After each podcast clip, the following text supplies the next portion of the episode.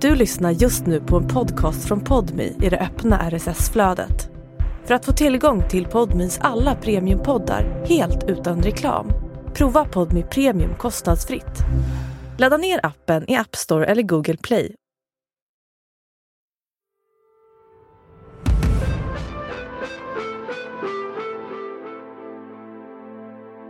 Jag slängde in dem till honom. Eller jag ställde dem. Jag ska inte ha skiten, sa jag.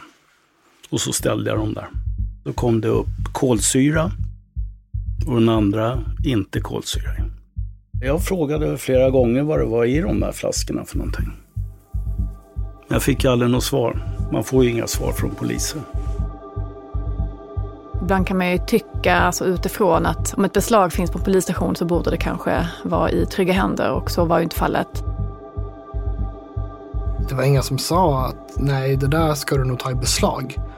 Eller alltså ingen annan, vad jag fick känslan, fattade misstanke om att det skulle vara något konstigt i de här flaskorna. Den här berättelsen är som en saga. Men allt som sägs har hänt på riktigt. Det handlar om en kvinna som ska gå på fest och som får betala med sitt liv. Det handlar om en narkotikabrottsling och en polisstation i Stockholms södra förorter. Och så handlar det om personer som tänker att de gör allt rätt. Men där det ändå slutar med en begravning och en dom. Du lyssnar på Podmi Dokumentär. Det här är avsnitt två av Den förgiftade ölflaskan. En serie i tre delar av mig, Jonathan Loxdal, från produktionsbolaget Filt.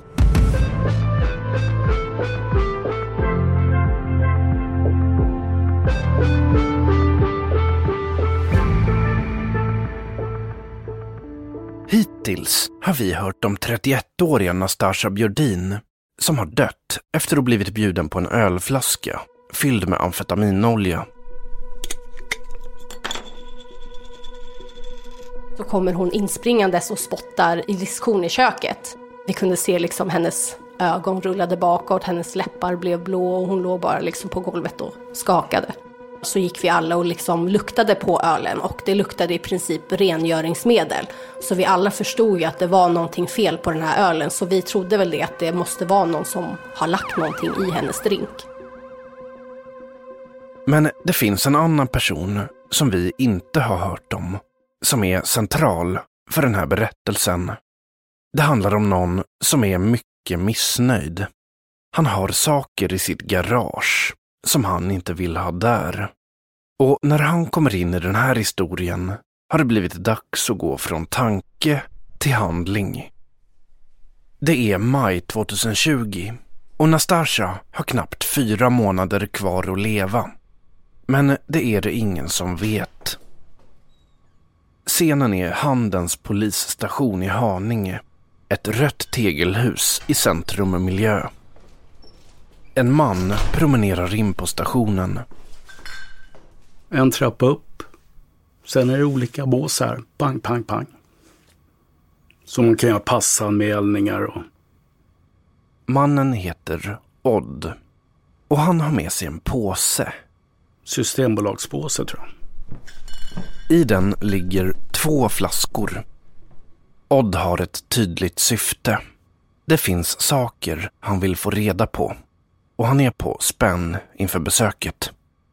Nej, jag var nog jävligt... Jag ville nog fan ha reda på vad fan det där var i de där flaskorna. Ja, halvtaggad då i alla fall. Odd tar en nummerlapp och ställer sig vid receptionen för att prata med receptionisten. Och då ville jag gå in i ett sånt här förhörsrum. För jag vill inte stå och prata om det med massa åhörare runt omkring mig. Men det var inte att tänka på. Jag ville ju ha reda på om det var en laglig drog eller någon internetdrog eller någonting i den. Den ena. Som Odd upplever det så blir han inte bemött på ett bra sätt av receptionisten. Nej, han ifrågasatte ju mig. Varför misstänker du att det är det för? Odd förklarar varför han tror att den ena flaskan har något annat än öl i sig. Det handlar om bubblorna. Och då berättade jag att om man slog på ena flaskan så här så kom det upp kolsyra och den andra inte kolsyra. Och då sa han att det har kommit in luft i den där. Det är därför den är avslagen. Nej, men det är inte så, sa jag. Och sen vart man ju förhörd då, typ. Receptionisten har sagt att du var ganska arg. Kan du förstå att han inte fattade riktigt vad den här flaskan handlade om? Nej, det kan jag inte fatta. Jag, jag tyckte han var ganska smart den där polisen faktiskt. Alltså innan, jag hade ju varit uppe ett par gånger innan. I ett annat ärende? Ja. Det är inte första gången Odd är här. Faktum är att han har besökt polisstationen ett antal gånger på sistone i en slags familjetvist. Och det är så personalen känner igen honom. Men just nu handlar det ju om något annat. Om flaskor som egentligen inte tillhör honom, men som han har hemma och som han är misstänksam mot. Exakt vad som nu sägs mellan Odd och receptionisten kommer att bli föremål för diskussion. Odd själv hävdar att han vill göra en brottsanmälan. Ja, men jag försökte göra det. Receptionisten ska senare säga att det inte fanns något underlag för att göra en brottsanmälan. Så uppfattade han inte att Odd ville göra det. Och att en ölflaska inte bubblar, det kan som sagt bero på att kolsyran har läckt ut. Man kan se ett tydligt märke på kapsylen som antyder det. I senare förhör säger receptionisten. Så jag gör bedömningen att nej, liksom, det finns ingenting som får mig att misstänka att det här är något konstigt, så jag vill inte ta in dem. Dessutom uppfattar han Odd som ganska krävande. En påstridig medborgare som av oklara skäl vill dumpa två flaskor på stationen. Det hela slutar med att Odd tröttnar på situationen. Jag slängde in dem till honom. Eller jag ställde dem. Jag ska inte ha skiten, sa jag. A lot can happen in the next three years. Like a chatbot may be your new best friend. But what won't change? Needing health insurance. United Healthcare Tri Term Medical Plans are available for these changing times. Underwritten by Golden Rule Insurance Company, they offer budget friendly, flexible coverage for people who are in between jobs or missed open enrollment. The plans last nearly three years in some states, with access to a nationwide network of doctors and hospitals. So, for whatever tomorrow brings, United Healthcare Tri Term Medical Plans may be for you. Learn more at uh1.com.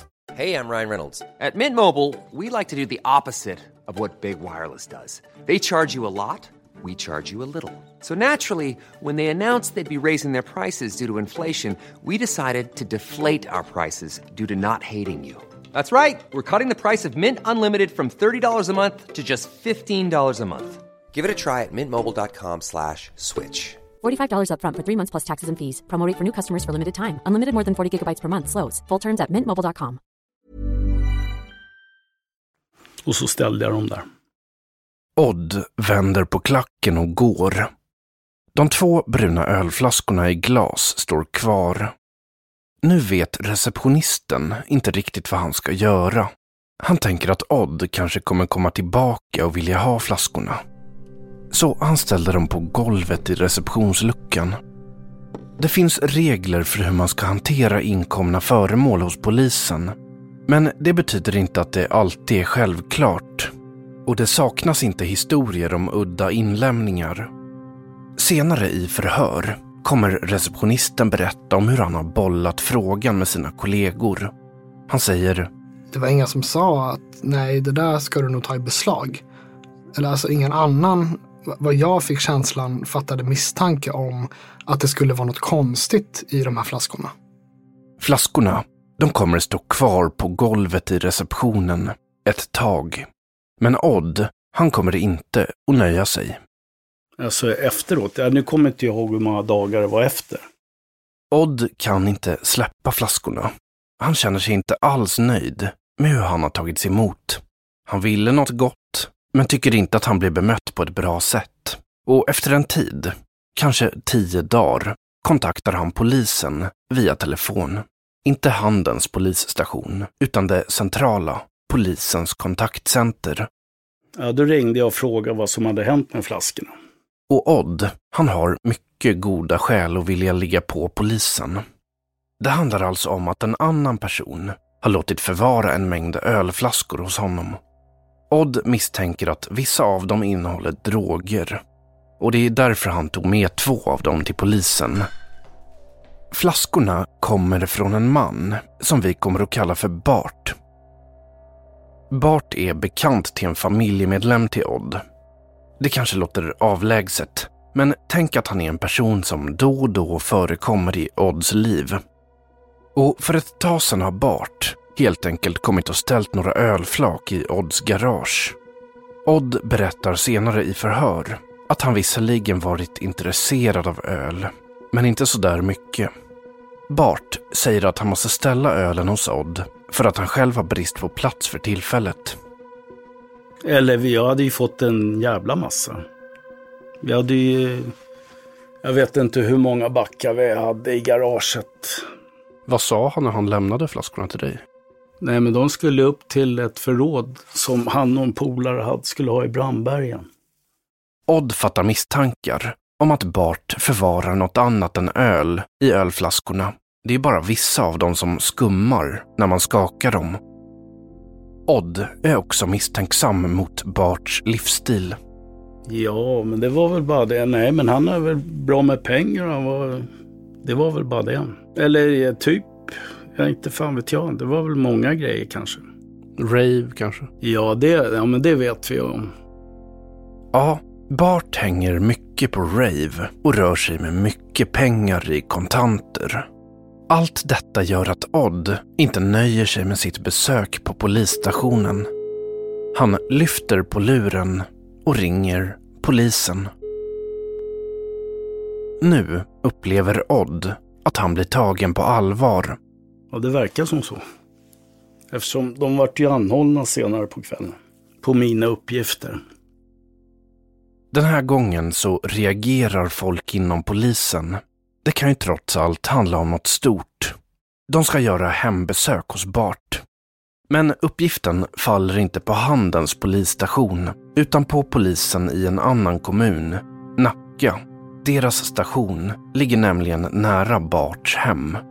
Och en viss polis i Nacka kommer att bli viktig i den här historien. Vi kallar honom helt enkelt för narkotikapolisen. Samma dag som Odd själv ringt in till polisen blir han flera gånger uppringd av narkotikapolisen. De pratar länge. Först vill Odd prata om hur illa bemött han blev på Handens polisstation. Sen berättar han om partiet med ölflaskor som Bart ställt hos honom. Det som är det verkligt heta tipset.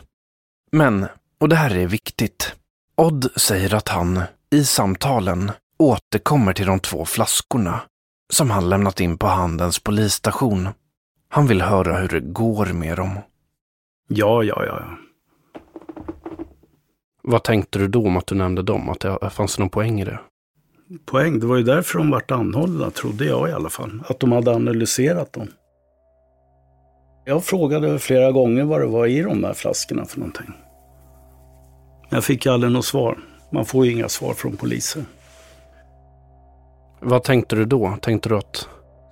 Att då måste de ha analyserat de här två flaskorna som jag lämnade upp på polisstationen. Det var jag helt övertygad om. Nu händer det saker hos polisen i Nacka och i synnerhet narkotikapolisen. En stor mängd flaskor som kan innehålla amfetaminolja. Det här kan bli en chans att sätta stopp för en omfattande narkotikabrottslighet. Och är man en luttrad polis så känner man när ett spår är varmt. Narkotikapolisen beslutar om husrannsakan. Tillsammans med sina kollegor knackar han på hos Bart som öppnar dörren. Narkotikapolisen tycker att både Bart och en annan person som är i lägenheten framstår som väldigt spända. En hund som är hemma stör poliserna och ställer till med besvär. De ser till att den får på sig en munkorg. Så genomsöker de bostaden och de hittar vad de söker. Några ölflaskor. Narkotikapolisen tycker att en flaska ser ut att ha varit öppnad. Den har liksom ett märke på kapsylen. Han får känslan av att den är tyngre än om det vore öl i den. Och vätskan ser ut att vara ljus och trögflytande. Han öppnar flaskan och ur den kommer en stark doft som drar åt amfetamin. Tipset stämde. De har hittat rätt. Utöver flaskorna hittar de mängder av utrustning som de misstänker kan ha använts vid amfetamintillverkning i lägenheten. Det är bland annat en matlåda med amfetamin, hink, tratt, lösningsmedel, svavelsyra, påsar, vågar, skyddskläder Cool fact a crocodile can't stick out its tongue. Also, you can get health insurance for a month or just under a year in some states. United Healthcare short term insurance plans, underwritten by Golden Rule Insurance Company, offer flexible, budget friendly coverage for you. Learn more at uh1.com. munskydd, elvisp och kapsylförslutare. De beslagtar allt och tar med sig Bart och den andra personen som kommer att sitta frihetsberövade. Efteråt tar sig polisen hem till Odd där de beslagtar ölflaskorna, 56 stycken, som Bart har ställt hos honom. Så låter de testa flaskorna och utrustningen efter Barts DNA. Jag blev inkopplad på det när polisen hade gjort de här beslagen. Så att när jag kom in i bilden så var de här beslagen av eh, en del flaskor amfetaminolja redan gjorda. Eh, och då hade ju polisen bedrivit sitt arbete. Det här är åklagare Lisa dos Santos på Södertörns åklagarkammare. Hon har aldrig tidigare stött på det här preparatet. Det var första gången som jag kom i kontakt med amfetaminolja. Det är vanligare att vi kommer i kontakt med amfetamin. Så att jag fick ju läsa på lite. Men sen förstod jag ju att den här amfetaminoljan, det är ju en bas till amfetamin. Man använder den för att tillverka amfetamin. Och den var extremt potent, alltså väldigt koncentrerad och, och jättefarlig. Lisa ser det hela som ett mycket allvarligt brott. Ja, och framförallt med hänsyn till eh, volymen. Man kunde ju utav de beslagen eh, framställa, jag tror att det var 13,5 kilo amfetamin var då möjligt att, eh, att tillverka på, på den här eh, oljan. Bart förhörs. Han erkänner att han haft flaskorna hemma hos sig och att han också ställt dem hos Odd. Men han säger att det ändå inte är hans flaskor och att han inte har tänkt tillverka något själv. Och så har han en historia som förklarar det hela. Om jag minns hans invändning rätt så, så tror jag att det var något i stil med att han förvarade kortsiktigt för annan icke namngiven person. Bart berättar att han brukar köpa amfetamin av en langare som han i sin tur lärt känna på en skogsfest. Amfetaminet använder han som självmedicinering. En gång, berättar Bart, kom langaren och hans kompisar med ett erbjudande. De frågade om de kunde förvara några backar med flaskor hemma hos Bart. Exakt vad det var i flaskorna förstod inte Bart till en början. Som tack för besväret skulle Bart få amfetamin. Bart säger alltså att han bara haft oljan hemma hos sig och inte själv haft några planer på att tillverka amfetamin av den. Men åklagare Lisa dos Santos nöjer sig inte med Barts erkännande. Så även om en tog på sig allt så behöver man ju ändå fortsätta utreda hur det ligger till. Det är inte helt ovanligt att det är en som tar på sig narkotika när man gör ett beslag. Där flera har eh, dels disponerat en lägenhet men kanske också varit inblandade i något led. Så eh, man ska kontrollera ett erkännande såklart. Och sen skulle ju dels den här narkotikan analyseras, att man ska komma fram till hur eh, mycket det var och att det var amfetaminolja. Sen gjordes det ju många beslag i den här lägenheten där oljan hade, hade funnits. Och då tog man, eh, som jag minns det, någon elvisp och några dunkar och det fanns etanol. Och så skickades det in till NFC så gjorde man en analys för att se ifall det hade tillverkats amfetamin i den lägenheten där amfetaminoljan fanns. Lisa dos Santos vill åtala både Bart och den andra personen som bor i lägenheten och hon vill få dem fällda för amfetamintillverkning. Eh, ja, men för mig eh, är det relevant dels för straffvärdet, men det var också relevant för att det bodde en person till i den här lägenheten. Och om man disponerar en lägenhet där det inte bara finns amfetaminolja utan att det också ligger utspritt i en hel lägenhet som man bor i, då tyckte jag det kunde slå på den persons uppsåt också. Att man har varit del av en tillverkning. Så att eh, det var även viktigt ur, ur det perspektivet. Och i det här fallet så minns jag att det fanns information i hans telefon också, att det hade gjort sökningar och det fanns bilder just på tillverkning av amfetamin. Så att den invändningen, eh, den var ju lite tom skulle jag säga. Oavsett vilket är det, ur det svenska rättssystemets perspektiv, en bra sak att så stora mängder potentiellt amfetamin plockats bort. Nej men det är ju alltid jättebra att polisen kan suga narkotika från marknaden. Det här hade man ju kunnat sälja och tjänat jättemycket pengar på och eh, spridas ut till jättemånga människor. Så det tyckte jag var, det tycker vi alltid är superviktigt såklart. När flaskorna beslagtas befinner vi oss tre och en halv månad från festen där Nastasja kommer bli förgiftad av en enda klunk. Varifrån flaskorna kommer från början är oklart och av de som möjligen vet är det ingen som säger något. Kanske är de från Tyskland, som ölmärket.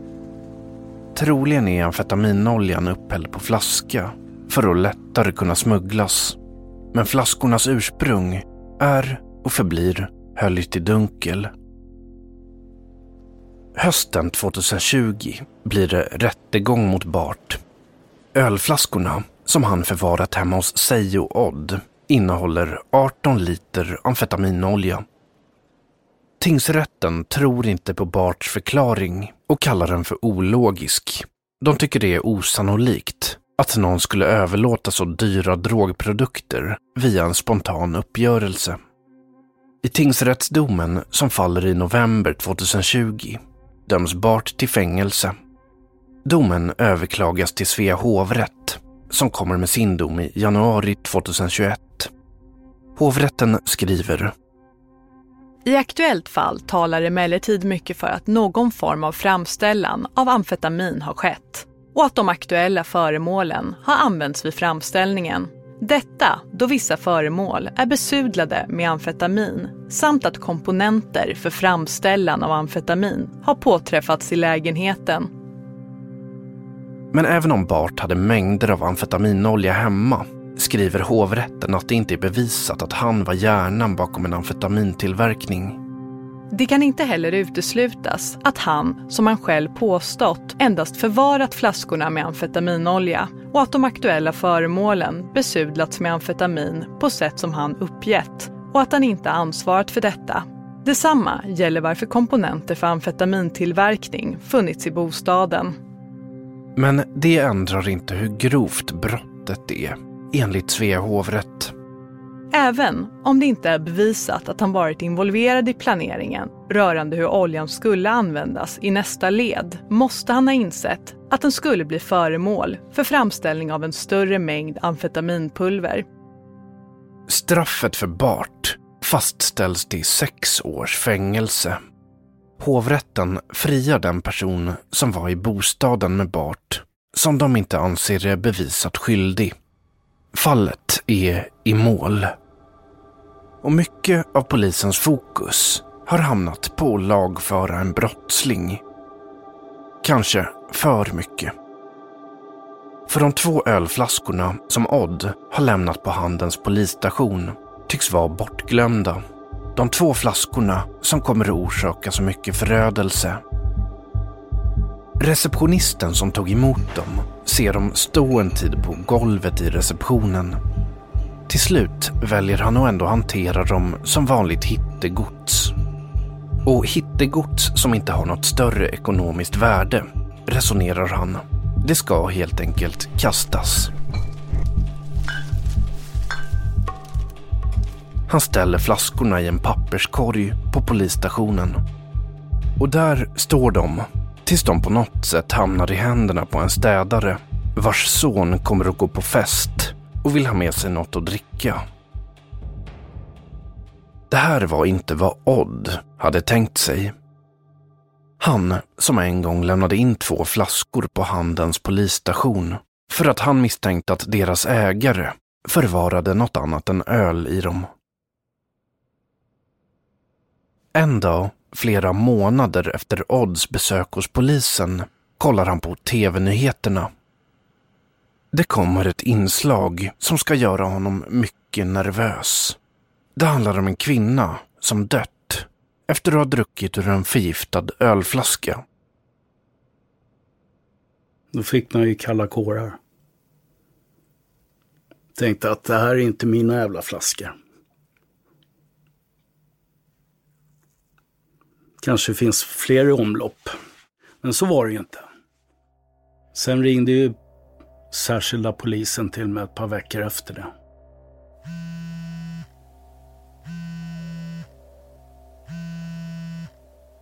Det var skyddat nummer då naturligtvis. Då sa de ju det att, eller det är från särskilda polisen sa de. Då frågade jag direkt. Jaha, då var det mina flaskor som är upplämnade. Ja, tyvärr sa de då. Vad tänkte du då? Fitta, fat, handgranat. Vad tänkte du om hur flaskorna hade hanterats, de som du hade lämnat in? Ja, ingen jävla aning faktiskt. Ja, det är ju Murphys lag gånger upphöjt till 57 ungefär. Mm, typ. Vad är Murphys lag? Det som kan gå åt helvete, det går åt helvete. Och du har inte gjort något fel? Nej, hade jag hällt ut skiten då hade väl varenda fisk i Drevviken dött till exempel. Nyheten sprids. Fler som har en koppling till det stora narkotikabeslaget i Nacka börjar skruva på sig.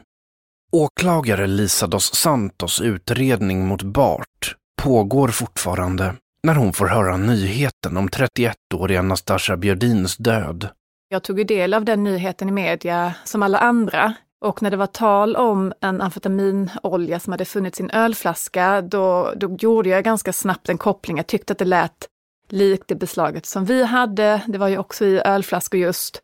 Så att eh, jag kontaktade mina utredare omgående för att eh, få reda på hur det förhöll sig med den saken. Och vad sa de?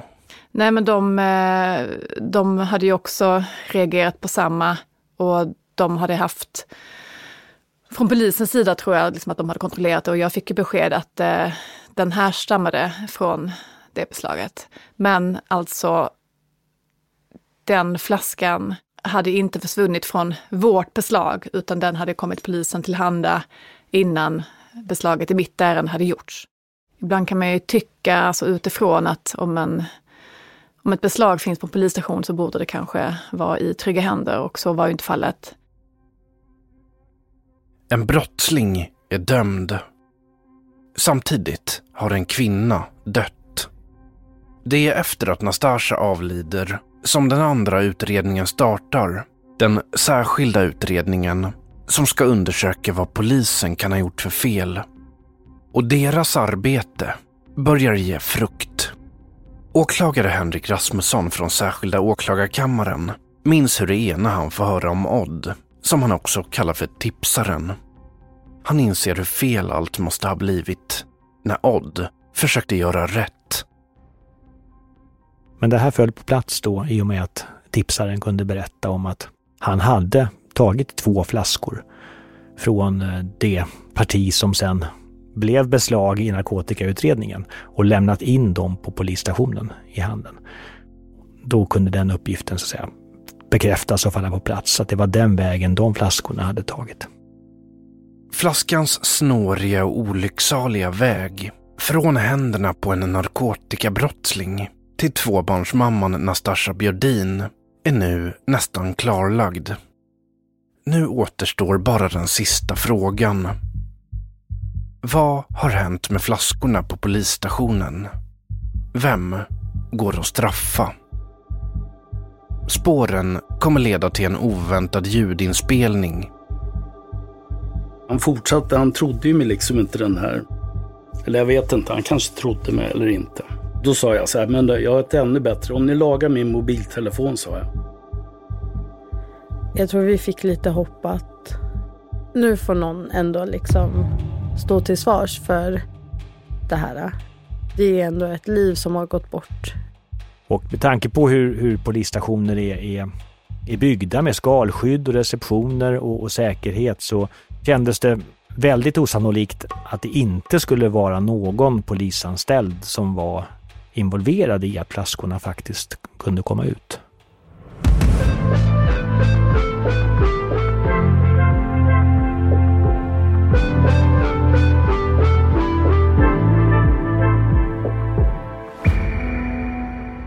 Du har lyssnat på andra delen av Den förgiftade ölflaskan. En podmi dokumentär i tre delar av mig, Jonathan Loxdal, från produktionsbolaget Filt. Vissa personer har blivit tillfrågade om att medverka i dokumentären men tackat nej. Citaten från dem är hämtade från förhör och deras röster är utbytta. Producent var Chang Imam. Exekutiv producent hos Podmi. Emilia Melgar Arnheim. Tekniker Astrid Anka Krona.